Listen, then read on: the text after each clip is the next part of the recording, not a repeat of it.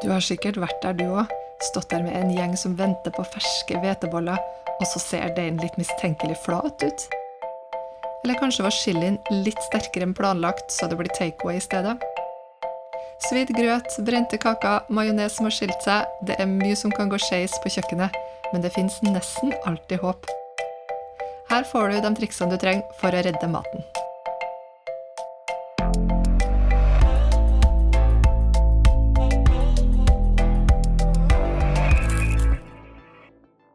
Du hører på Matpratpodden. Jeg heter Lisa Ekli, og i dag har jeg med meg matekspertene Cecilie Maske og Therese Elstad. Hei, hei! Heia! Ja, I dag så gleder jeg meg til å virkelig få lov til å utfordre dere mateksperter litt. For eh, vi skal nemlig snakke om alle de tingene som kan gå gærent, og hva du kan gjøre med det. Ja, det er mye som kan gå galt på kjøkkenet, eh, men heldigvis er det jo veldig mye man kan gjøre for å redde maten. Eh, og selv om ting ikke går helt sånn som planlagt, så kan det jo bli til noe helt annet. Så det gjelder å holde hodet kaldt og ha noen triks opp i ermet. Ikke sant. Og triks har du i dag, Cecilie. Å ja, masse triks. Altså, det gjelder å, å, å, øve opp det der eh, improvisasjonsgenet som jeg tror veldig mange har. Når, man, når noe går gærent, og holde, holde liksom fokus på at vi, vi skal jo ha mat. Ja. Og vi skal ikke kaste heller. Være litt løsningsorientert. Løsningsorientert, ja. Mm. Og vi i Matprat får jo stadig inn spørsmål fra folk som lurer på både det ene og det andre, så her er det mye å ta av. Og noe av det så kan jeg veldig lett eh, relatere meg til sjøl, for å si det sånn, så vi setter i gang. Første spørsmål. Eh, majonesen har skilt seg. Hva gjør du? Å ja. Jeg har jo opplevd som kokk atskillige ganger at det problemet oppstår. Både majones og bearnés og alt mulig sånn. Problem, altså det er jo samme greia. Og det er at det er en emulsjon av fett og, og egg. Eh, og det er mange grunner til at det skjer. De hovedgrunnene er jo at det er ujevn temperatur på, på egg og på olje eller, eller smelta smør, eller at man har spedd for fort, eller at man har spedd i for mye. For da blir det sånn at den der eggeplommen ikke klarer å holde på, på oljen. Og ja, Kan man spe for fort òg? Jeg trodde problemet var at man spedde for sakte. Nei, nei, nei. Nei, det er egentlig altså du, skal, du begynner så sakte som bare mulig med bare noen få, få dråper av gangen, og så etter hvert, når du ser at det liksom henger sammen, da kan du begynne å spe fort. Ja, sånn fort, ja. Mm. Ja, ikke sant? Så, og her er det det viktigste, faktisk, eller en av de aller viktigste tingene, er at du har lik temperatur på, på eggeplommer og på olje. Hvis ja. du skal lage en majones. Så ingen kjøleskapskalde egg? Nei, da må oljen også være kjøleskapskald, iallfall. For det er den der forskjellen i temperatur som gjør at det lett kan, kan, kan mm. Og så er det rett og slett å, og hvis det da sprekker, og det gjør, det gjør jo ofte det, altså, og det er litt forbaska, og veldig mange har, blir sånn Faderula! Og så hiver de hele greia og begynner på nytt igjen. Ja. Men du trenger ikke å hive hele greia for å, for å, få det der til å henge sammen. Du begynner på nytt igjen med en eggeplomme, kanskje bitte litt salt, og pisker den, pisker den, godt, og så begynner du å spe med den gamle, eller den sprukte eh, majonesen, eller aiolien. Ah, så du, mm. den massen kan du bare spe tilbake i den eggeplommen, og da får du det hele til å henge sammen. Du kan sprekke igjen, da er det bare å begynne en gang til. Så, ja, det er faktisk mulig å gjøre det. Men vær, ha is i magen, og, og, og vær tålmodig, og vær forsiktig med spedinga. Så, så går det veldig greit. Ja, jeg syns det er et uh, kjempekult triks det du sier uh, der, for jeg har laget rennende majones ganske mange ganger, så det er veldig ja, kult å, det... å, å, kunne det lille trikset der da, for å ja. redde det, og ikke bare kaste det og begynne på nytt, eller ikke begynne på nytt, på en måte. Ja, det er akkurat det samme trikset du kan bruke hvis du lager en eh, bearnéssaus eller hollandesaus som, som sprekker. Da er det bare å begynne på nytt igjen med en ny eggeplomme, og så spe den der sprukne massen oppi. Eh, en annen ting som går an å gjøre der, hvis den sprekker skikkelig, hvis den sprekker ordentlig skikkelig, sånn at eggene blir nesten som en eggerøre når det har vært altfor høy temperatur, ja. da kan man servere det som nesten som en helt ny type rett. Da får du bare Ja, men det, er- bare, det, det, det går Er an. det, er det en ekte rett det går an å spise? er ikke er en ekte rett, eller en, et alternativ. La den sprekke ordentlig, helle av det fettet som ikke vil sette seg, og så har du en, en nesten en litt sånn feit eggerøre som du kan Mm. servere ved siden av, eh, og si at dette er noen ting jeg har lært på Kanskje ikke på matprat, men dette Interessant. det, Ja, men det er, altså, i sånne situasjoner så må man være litt sånn frekk og, og bare stole på at det faktisk det smaker godt. Det er det som er det viktige. Ja. Men prøv å få vekk så mye av det der fettet som mulig. For det er ikke noe delikat, men du sitter igjen faktisk med, med, med ikke sant, oppvarma eggeplomme, eller egg, eggemasse. Den er helt super å bruke. Ja. Da går vi over til nok en klassiker, og det er gjærdeigen som ikke hever seg. Ja, og det kan jo være ganske mange grunner til, egentlig. Det kan eh, være at du har brukt eh, gammel gjær, eller for lite gjær, eller om du i det hele tatt har eh, husket jern. Eller det kan være at du har for mye sukker eller smør i deigen. Um, og en av de vanligste feilene man gjør, er at man bruker for varm væske, og da vil jern dø med en gang. Og da er det gjort, på en måte? Da, eller? Da er det gjort, egentlig. Um, Men du kan fortsatt bruke deigen, men da vil deigen bli eh, si, mer kompakt og ikke fullt så luftig, da. Eh, men en tørr gjær uh, tåler en deigtemperatur på opptil 40 grader, og fersk gjær opptil 30 grader. Eh, og så kan det være lurt å huske på at når man elter en deig, uh, enten om det er for hånd eller med maskin, så vil du elte inn mer varme, eller tilføre mer varme i deigen, i tillegg til gradene på enten vann eller melken du tilsetter, da. Så da kan det være lurt å velge en kald væske og, og romtemperert smør, og bare huske at da må deigen heve litt lenger, da, at du må bruke lengre tid på det. Jeg synes faktisk, Nå må vi skyte inn at jeg syns faktisk at det er veldig veldig greit å bare bruke kald væske. Og, og la deigen få litt bedre tid til å heve. Den, da, da slipper man å være trøbbelet med å, å drepe du, du dreper jo ikke det jernet, den bare tar litt lengre tid på å komme i gang. Så jeg syns at det er kjempegreit å gjøre. Jeg er helt enig, og du sparer liksom litt oppvask ved at du slipper å smelte smør, eksempel, og varme opp Ja. melken og eller sånne ting. Så det er egentlig bare en litt sånn win-win-situasjon, at du bruker uh, kald væske og romtemperert smør. mm. Hvis det går litt sakte, da, hvis jeg tenker at jeg må skyte, skyte på den prosessen litt, Ja, da kan du, hvis du har brukt f.eks. kjøkkenet som utgangspunkt til å heve deigen, så kan du gjerne tenke at du kan sette den på et litt lunere sted, som kanskje badet, eller eh, over vasken i et vannbad med litt varmt vann, f.eks. Så vil det gå litt fortere. ja. Så kan jeg også si at uh, bruk aldri fersk eh, eller tørr gjær som har gått ut på dato, for da vet vi jo aldri om den uh, kommer til å fungere som den skal. Um, og litt sånn som jeg sa i stad, at hvis du har endt opp med en deig som absolutt ikke hever, så kan den bakes ut, men at den bare er mindre luftig, uh, luftig og vil kanskje være litt tørrere enn uh, en eh, gjærdeig som har hevet ordentlig.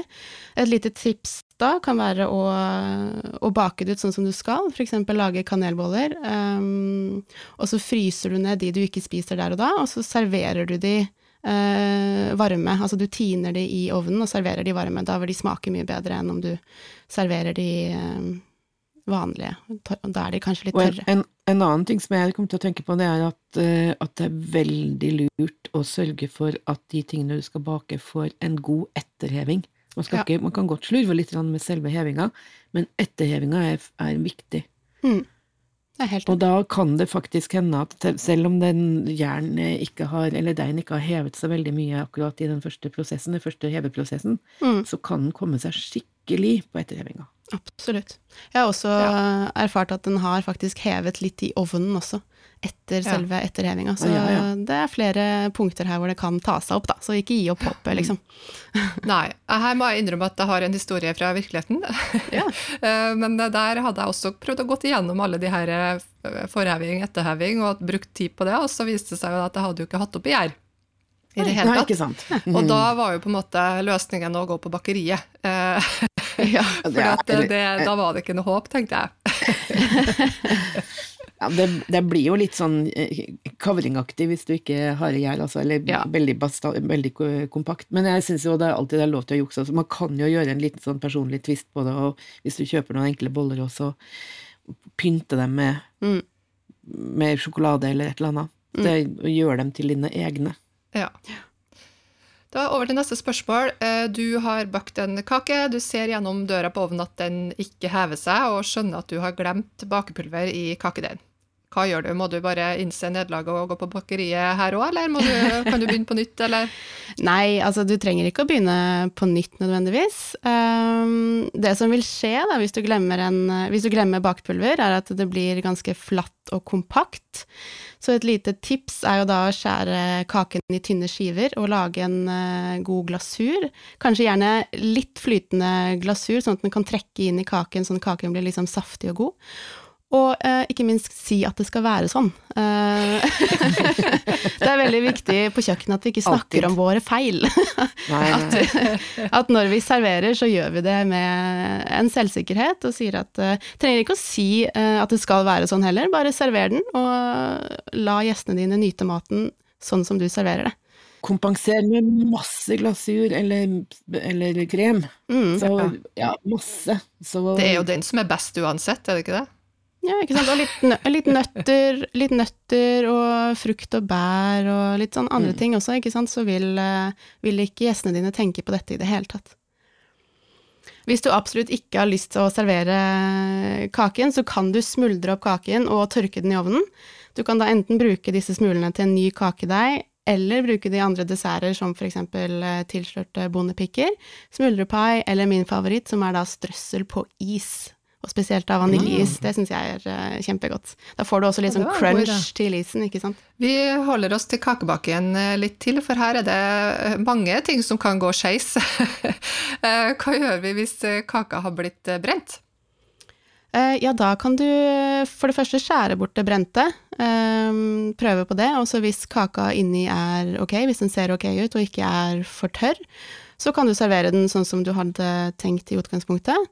Hvis den har blitt litt tørr og kjip, eh, så kan du f.eks. lage cake pops. Eller det som jeg nevnte i stad, med å tørke kakebunnen og bruke det i forskjellige desserter. Og får jeg lov til å si at man også kan lage sånne deilige konfektkuler? Ja. Hvor du blander inn med de, de, den smulete kakedeigen med, med litt smør og litt kakao og litt eh, sånn kokosmasse. Eh, og ruller sånne små kuler, og, og ruller i og, triller i litt kakao igjen. ja. Så har du en liten, lekker delikatesse. ja, det også er kjempedeilig. Kjempegreit. Ja, ja, ja. Mm. Ja, her føler jeg at vi, liksom, vi er over på det veldig sånn løsningsorienterte. Ikke sant? At vi tar det vi har, og så ble det ikke akkurat det vi hadde tenkt, men det blir godt. Det blir bare en helt annen rett, på en måte. ja det blir noe helt annet. Ja. Ok, eh, da er det et annet problem her som er kanskje litt eh, mer vrient å tenke løsning på. Det er grøten som har eh, blitt svidd. Ja. Og da snakker vi, ikke sant, du har glemt deg litt bort, scrolla litt, svidd seg fast i bunnen, Ja, smaker og lukter litt sånn ikke helt ok. Ja, og dette skjer jo hele tiden. Det skjer jo sikkert Ja, det har nok skjedd alle sammen på et eller annet tidspunkt. Um, men hvis du oppdager det i tide, så for det første, pass på å ikke rør i bunnen. For da vil du liksom røre opp det svidde, og da vil det bli mer smak av det. Men hvis du oppdager det i tide, så kan du forte deg å helle det over i en ny kjele, og forhåpentligvis da så har du unngått denne smaken i hele grøten, at det har bare holdt seg på bunnen. Ja. Det gjør jo ikke noen ting om det bare er litt sånn brunt i bunnen, men det er ikke noe delikat eh, med sånne, sånne flak som flyter i verken grøten eller den hvite sausen. Nei. Så det er lurt eventuelt også å sile den Nei, ikke grøten, forresten, det går ikke. Men å, eh, men, eh, men å helle det over i en, eh, i en ny kjele, og så vaske den gamle. Og så eh, For det her er jo et problem som oppstår med alle retter som det er melk i. For Mm. melk brennes jo veldig fort i bunnen. ja. Og, så, så det er, det, og, det, og, i, og i sauser og i gryteretter og sånn også kan det jo skje, at man brenner i bunnen. Mm. Så det, gjelder å, å ta det før det liksom begynner å, å, å bli At det er helt svart. Ja. Da setter det veldig smak. Da blir det en bitter smak, og da er det ikke, da er det ikke knapt å redde det, altså. Nei, ikke sant. Hvordan kan man bruke det til noe annet, da? Ja, du kan jo bruke grøt eh, til rislapper, for eksempel. Mm. Eh, Smaker det mindre brent da? Ja, du klarer iallfall å kamuflere smaken. Ja. Ja. Litt grann. Ja, og så en god klatt med syltetøy på toppen, så kan man også si der at det skal være sånn. prøve liksom, å skjule det med andre, andre, smaker og toppinger som brunost og syltetøy og rømme og sånn, så har du på en måte et ganske godt utgangspunkt for å prøve å skjule det, i hvert fall. Um, så kan jeg også si at det er jo vanskelig å skjule svidd smak, men det er jo fullt spiselig. Så hvis du føler at det ikke er altfor ille å spise det, så spiser du bare grøten som det er, med, med, med litt ekstra kanel, kanskje. Så skjuler det kanskje en del smak. Lettere, lettere, å skjule litt sånn uh, brennsmak enn uh, en, uh, hvitløkssmak, sånn som jeg gjorde en gang, faktisk, og smake til grøten helt rett før den skulle serveres, med det jeg trodde var rømme, og så var det hvitløksdressing. Ja, den var litt mer uh, Det er helt sant. Ja, det er helt sant. Det var ikke populært. Nei, det hørtes uh, ikke så godt ut. Nei, det var ikke noe godt. Da skal vi videre til grillmat. Uh, og det er jo mange av oss som kanskje er litt mer ivrige på det grillinga i sommerhalvåret, og kanskje glemmer vi oss litt bort da, til, fra år til år. Og en typisk tabbe uh, som jeg kjenner godt til, er jo at grillmaten blir svidd. Ja, den kjenner jeg også godt igjen. um, og da er det jo litt sånn som jeg snakket om med kaka i stad, svidd kake, at du prøver å skjære bort eller skrape av det som er uh, brent. Uh, og hvis kjøttet inni ser greit ut, så er det jo bare å servere det som det er. Eller hvis det, er, hvis det har blitt gjennomstekt og er litt tørt og litt kjipt, så kan du prøve å skjære det i tynne, tynne skiver og servere det i en biffsalat, f.eks. Uh, og bruke kjøttet mer som en konsistens, på en måte, og ikke så mye smak, hvis det gir mening. At det ikke er mm. hovedretten, på en måte? Ja, men at det er mer en sånn, kanskje en crunch da, i denne biffsalaten, som gjør at uh, det blir veldig godt uansett. Men hva hvis det blir litt lite, litt lite igjen, da? Ja, det kan jo lett skje, da, når, det, når du må skjære vekk halvparten fordi det er for brent. Og det er jo egentlig bare å pøse på med en god saus, mer grønnsaker, og alltid servere brød ved siden av. For har du mm. brød og smør og en rømme eller noe sånt som er der, så redder du veldig mye, selv om du ikke har nok mm. kjøtt eller fisk. Men kan man egentlig spise det svidde? Altså, jeg har jo hørt at det ikke er så sunt, men der varierer man jo litt om man faktisk skjærer det av, eller om man syns det smaker greit å spise det likevel. Ja, da jeg vokste opp, så fikk vi vite at uh, hvis vi spiser brent mat, det som ble kalt for uh, speiderkrydder, så Så fikk vi både pene barn og vakker sangstemme. Mm. Men altså, det er ikke sunt å spise brent mat. Det, det som heter stekemutagener, kan være helseskadelige, men eh, vi skal, vi skal, ikke spise mye av det. Vi skal ikke liksom ha det som sånn daglig inntak. Absolutt ikke. Men det er jo ikke farlig å spise litt. Så, så, så fremt det ikke liksom er helt eh, forkulla, mm. så går det an å skrape av, skylle av og, og, og spise det. Mm. Da er det over til noe som eh, ligner litt på den forrige, og det er noen som faktisk har mista biffen ned i kullet. Ja. ja. hva, hva, det blir litt sånn sotete ja. utapå og ikke så god. Kan man fortsatt gjøre noe med den? Man kan det, og det er jo ikke alltid bare biff man mister ned i, men det vanligste er kanskje pølser. At den triller ned mm. og havner i gullet. Um, og det er jo litt det samme der òg. Prøve å skrape, skjære vekk, eh, skrelle av det verste. Uh, og forhåpentligvis så har det gått greit. Um, og litt sånn som Cecilie sier, så vil vi jo ikke spise for mye av det brente.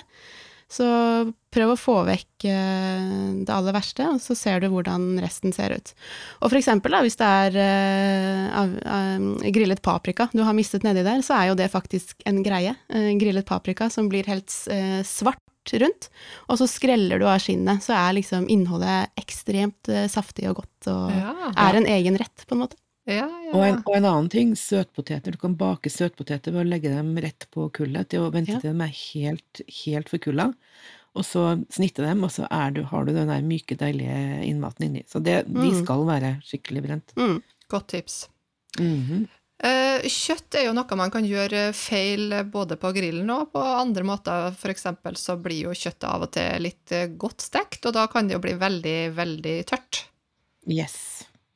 Det kan det. Skikkelig ihjelstekt eh, både, både, biff og kylling og, og, andre kjøttslag som blir eh, Ja, det, det er bare det tørre trevler. Men altså det går, altså det går an å redde hvis du skjærer det i tynne, tynne skiver nok en gang, sånn som denne den her eh, biffsalaten. Mm.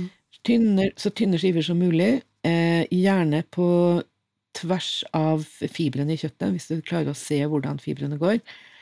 Og så eh, hjelper det veldig godt å ha en skikkelig god saus og godt tilbehør. Men hvorfor skal du skjære på tvers av fibrene? Fordi at det gjør at altså det som er seigt og tørt, blir på en måte litt, litt eh, kortere. Hva skal jeg si? Åh, Skjønner du? Det, Ja. Istedenfor å skjære på langs, så da får du de lange fibrene. Men hvis du Ja. skjærer over fibrene, så får du eh, Da blir det, det blir mørere bare av det. Mm. Litt Mm. enklere å tygge, da, eller? Ja, På en måte. det blir enklere å tygge. Og det er jo flere ting som det går an å overstreke, eksempel fisk. Da blir den ganske tørr og kjedelig og ikke helt så smakfull som eh, planlagt, kanskje. Eh, Er det samme bruksanvisning for det òg, eller Cecilie? Ja, jeg vil si at du kan eh, tenke på samme måten der også. La fisken få følge av en kraftig saus, for eksempel en skikkelig god tomatsaus eller noe sånt. Så, så kamuflerer du liksom den mislykketheten. Og da, også der også deler litt mindre biter. Mm. Og så vil de andre smakene kamuflere godt det at fisken ikke er helt vellykka. Mm. Over til eh, grønnsaker som har blitt glemt i gryta og blitt veldig godt kokt og helt eh, vassne. Er det noe håp? Ja, ja, det er kjipe greier. Det er det jo virkelig. Eh, Det gjelder å prøve å få ut så mye væske som mulig. Bare la dem ligge i et dørslag eller noe sånt som er der. Og så kan man jo lage mos av dem. Og du kan lage en suppe av dem. Kan drysse over godt med hakkede urter. Kan gi dem en liten omgang i stekepanna med, eh, på høy temperatur, så de får en liten sånn her eh, stekeskorpe. Og så smake til med litt sitronsaft og litt salt og pepper, sånn at du får lokka fram smakene igjen. Mm. Ja. Hva med pasta eller ris som har blitt kokt eh, for lenge? Ja, ja, det er også kjipe greier. Altså, pasta, det er vann og mel, så du kan skjære i Da blir det som en sånn kake, nærmest, ikke sant, så du, du, du kan skjære det i, i, i skiver og steike. Uh, høres veldig rart ut, men det går faktisk an. Mm. Eh, ris kan være vanskelig å, å, å redde hvis det bare har blitt en sånn tjukk risgrøt. Men du kan jo blande med litt egg og smake til med litt, eh, litt krydder og litt urter og sånne ting, og så forme det som boller og steike. Mm. Kjempegodt, faktisk. Ja. Mm. Da skal vi over til eh, smaker, som det av og til kan bli litt lite av, eller litt for mye av. Eh, og første problem er da maten har blitt for salt. Ja, velkjent problem, det også. Mm. Eh, det er jo hvis det en, hvis det er en kraft eller en suppe eller noe sånt, så ville jeg ha tatt noen rå poteter og lagt oppi, og latt dem få lov til å trekke til seg saltet. Prøvd med det først. Og ellers så er det å, å tilsette fløte. Det vil gjøre at, eh, at eh, smaken av saltsmaken blir litt mildere. Eller du kan rett og slett dele, eh, dele den porsjonen du har laget, i to.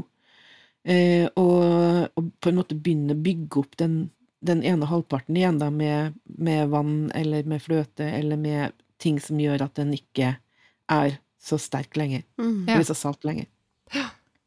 Jeg spiste en gang eh, pinnebrød som var helt usannsynlig salte. Jeg tror, jeg tror vi løste det ved å drikke veldig mye samtidig. Sånn, så, hjemmelagde saltstenger er kanskje, kanskje et godt eksempel på noen som har blingsa litt og så tatt i en spiseskje salt istedenfor en teskje. Ja, ikke sant. Ja, det er nok det. Mm. Og neste problem, da, ikke helt uvanlig det heller, og det er at maten er blitt eh, for sterk. Det er rett og slett for mye chili eller sterke saker eh, oppi. Ja. Hva gjør vi da? Ja, det, det har skjedd meg eh, et par ganger, og hva skal jeg si, forrige gang var jeg tror det er ett år siden nå, så en stund siden, men skulle jeg lage en mango habanero-saus, som jeg syns er ekstremt godt til forskjellige retter, um, men så bestemte jeg meg for å lage den med ananas den gangen. Og den ananasen jeg hadde kjøpt, var jo ikke like søt som det en eh, moden mango er. Så, og jeg testet heller ikke styrken på habaneroen før jeg puttet det i, um, i oppskriften. Så den oppskriften jeg fulgte, den sa vel to eller tre habanero, så jeg bare ja ja, men da, da kjører jeg på med de jeg har. For jeg hadde jo laget denne oppskriften mange ganger før, så jeg tenkte dette går bra. Så smakte jeg på den, og den var altså så helt uspiselig sterk eh, for meg, da. så det jeg eh, prøvde på da, var å tilsette eh, en hel ananas til, for oppskriften sa én ananas, så hadde jeg faktisk kjøpt to ananas. Vi skulle lage en eh, ananas salsa i tillegg til denne retten. Så tenkte jeg ok, da prøver jeg å kjøre opp i hele den ananasen, og det hjalp ikke uh, litt engang. så dette her var en supersterk oppskrift. Um, men det du da kan gjøre, uh, hvis du har prøvd dette, da, å tilsette én ananas til, og det ikke fungerer, så kan du prøve på litt mer sukker. Um, eller mer salt og syre, så du kan justere uh, styrken deretter. Jeg må helt ærlig innrømme at jeg klarte ikke å få den her mildere. jeg prøvde med litt forskjellige ting, men jeg uh, ga opp til slutt og ga den videre til noen jeg vet liker veldig sterk mat. og det, det funka greit. De, de, var veldig fornøyd med den. Men til, for meg og min Så hadde du blitt sittende med veldig, veldig mye sånn Ja, veldig mye saus. Mm. Men det er en veldig fin ting, da, fordi for eksempel chilisaus er en veldig fin ting å gi en gave. Så hvis du ender opp med en liten feil og lager altfor mye fordi du har gjort den for sterk, så er det en veldig fin ting å gjøre å gi det videre. Men uh, prøv å justere med sukker, salt og syre hvis du har laget noe som er for sterkt. Ja, for det, det, du var inne på nå, er at du erstatta noe med noe annet. Og, mm. og det her med krydderet, eksempel, og hvor du kjøper krydderet, det kan jo også ha innvirkning på hvor sterkt eh, det egentlig er, ikke sant? Ja, det kan egentlig det, altså. altså, litt, altså sånn som jeg sa, at det, jeg testet jo ikke chilien før jeg puttet opp i resten av ingrediensene, så det er en veldig viktig ting å gjøre, og noe jeg lærte. Det er at du må smake på chilien før du, før du bruker den, for da vet du styrken mm. på det. Mm. Og hva med når maten blir for søt, altså mat som ikke egentlig skal være søt, f.eks. en suppe eller en tomatsaus? Hva gjør vi da? Ja, da kan du jo balansere denne sødmen med både syre og salt. Altså smake til med litt salt og litt sitronsaft eller eddik. Eh, og hvis den fortsatt er for søt, så, så, er det nok en gang det å prøve å, å dele, da. Mm. Dele og så ha i oppi litt mer, hvis det er en tomatsaus for eksempel, som mm. har blitt for søt. Mm. Rett og slett å lage eh, dobbeltporsjon, så har du en i bakhånd til neste gang. Veldig ja. lurt. Mm. Og så ha oppi en mer tomater. Mm. Rett og slett. Og samme gjelder vel egentlig hvis du lager si en gjærdeig, da, og du har oppi ja. altfor mye sukker, så kan du bare dele den i to, og så begynne litt på nytt igjen, på en måte. Mm. Sånn at ikke deigen blir altfor søt. Gang, så kan du like, lage, like gjerne lage dobbelt Ikke sant. Ja. ok, da er det et spørsmål som handler litt uh, om det motsatte av det her. Altså at uh, suppa eller sausen smaker for lite. Altså, du gjør jo som du skal prøve å smake til, og så kjenner du jo rett og slett at det ikke smaker spesielt uh, godt. Mm. hvor, ja, hvor, skal du starte? Det er jo også, også ganske vanlig at det skjer. Eh, det, da kan du banne på at det er noen Altså at det mangler litt syre, for eksempel. At du mangler noe, litt sitronsaft eller, mm. eller, noe som er syrlig. Eller at du mangler litt sukker, eller at det er salt. Altså, det er jo smakene mm. som mangler. Og da må man prøve seg fram. Men du skal aldri være redd for å bruke sukker f.eks. i en saus, fordi at den er med på å løfte fram de andre smakene. Og, så det syns jeg faktisk er litt lurt, å tenke på sukker som et krydder, da. Mm. Ja, og en annen ting som man selvfølgelig kan gjøre da, det er jo å, å, å, koke inn den sausen eller suppa eller hva det nå er.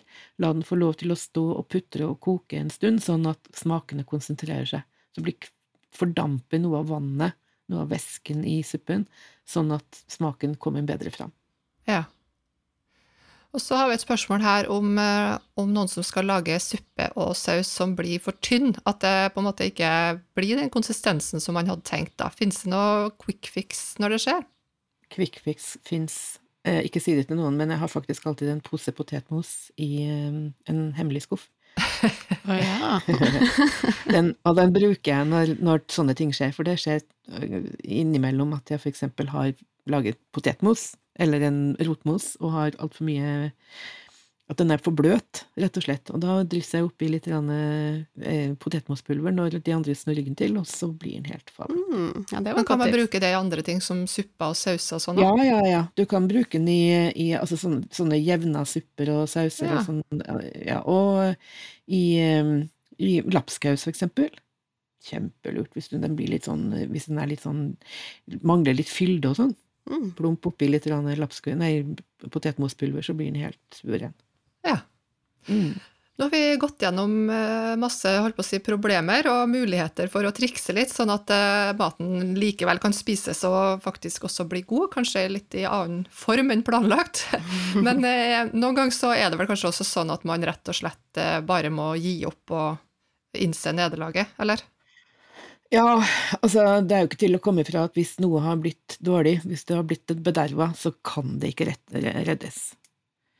Det, hvis det har stått i varmen for lenge, og, og du, kan kjenne at det lukter, da skal du ikke spise det. Eh, sånn er det bare. Mm. Eh, og så er det jo, i disse grilltider, så er det altså Man kan jo plumpe eh, til Altså at det blir for mye tennvæske. Og mat som er dynka i tennvæske, Mm. det vil jeg heller ikke anbefale. Nei, Nei. ikke jeg heller. Og så selvfølgelig, da disse Hvis noe skulle bli helt i, i stykker brent, sånn at du liksom bare sitter igjen med en, en tynn stripe med noe som er stekt inni, eller godt, normalt stekt inni, så det, det er bare å la det gå av gårde. Mm. Er det noen som har laget potetmos av feil type poteter, forresten? Det er også en greie. Fins det feil type poteter til potetmos? Ja, for det finnes både det som heter melende og kokfaste poteter. Og, hvis, og nypoteter, altså ferskpoteter som er i sesong eh, fra, sånn, fra tidlig sommer, Mm. de egner seg egentlig ikke til potetmos. Nei. Men det blir vel ikke er- uspiselig, gjør det det? Nei, det blir ikke uspiselig, men det blir, det blir ikke det er ikke noe Det er ikke noen ting man kan servere, liksom. Det blir som lim. Ja. Oh, ja. Så du, ja, den blir sånn, den blir sånn Og den blir grå i fargen, og den blir helt Konsistensen på den er Det er ikke bra. Nei. Men må man, så må man. Da spiser man det, men det er ikke noen ting jeg vil anbefale. Nei. Og så er det jo enkelte som faktisk har klart å ta feil av maisenna og melhus, og lage kakeglasur Ja. av eh, maisenna. Det er ikke noe særlig Nei, det blir en litt annen eh, smak. Eller motsatt, prøve å jevne suppa med melis. Det går heller dårlig. Ja, det går dårlig. Og så er det selvfølgelig mange som kan ta feil av salt og sukker når man, eh, Mm. når man skal bake. Det, da kan jo selvfølgelig bollene serveres som, eh, som Nei, det blir for salt uansett. Det er ikke bra. Det er ikke bra. Og så i farta kan man jo også ta feil av kanel og karri. Ja. Og det Ja. kan også gi ganske interessante Det er jo fortsatt Det er jo ikke farlig å spise det, det er ikke noen ting, men det er jo ikke godt. Nei, det er jo ikke det. Så det er en Altså, hoved, eh, hovedtipset fra meg, det er å huske alltid å lese hele oppskriften og sjekke at man har de riktige ingrediensene.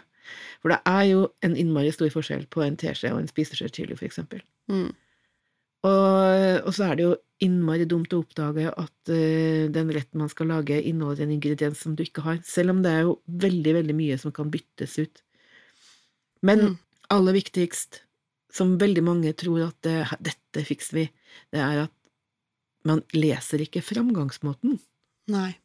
Og hvis du ikke leser framgangsmåten, og så er det noen steg inni der som man ikke har tenkt over, da kan det eh, oppstå kriser, og det er mange av de krisene som godt kunne vært unngått hvis man tar seg litt bedre tid. Men det meste kan faktisk fikses, ehm, så det gjelder bare å være litt eh, selvsikker på kjøkkenet. Og hvis du må gjøre noen triks for å redde det i havn, så bare si at det skal være sånn. Eh, og si at eh, det er en ny oppskrift fra Matprat. Haha. Den peptalken får bli siste ord for denne gang. Tagg oss gjerne på dine verste kriser eller beste retter, eller bruk hashtag matprat. Og har du spørsmål du vil at vi skal ta opp her i Matpratpodden, så send oss gjerne en e-post på postatmatprat.no, eller send oss en melding på Facebook eller Instagram. Vi høres!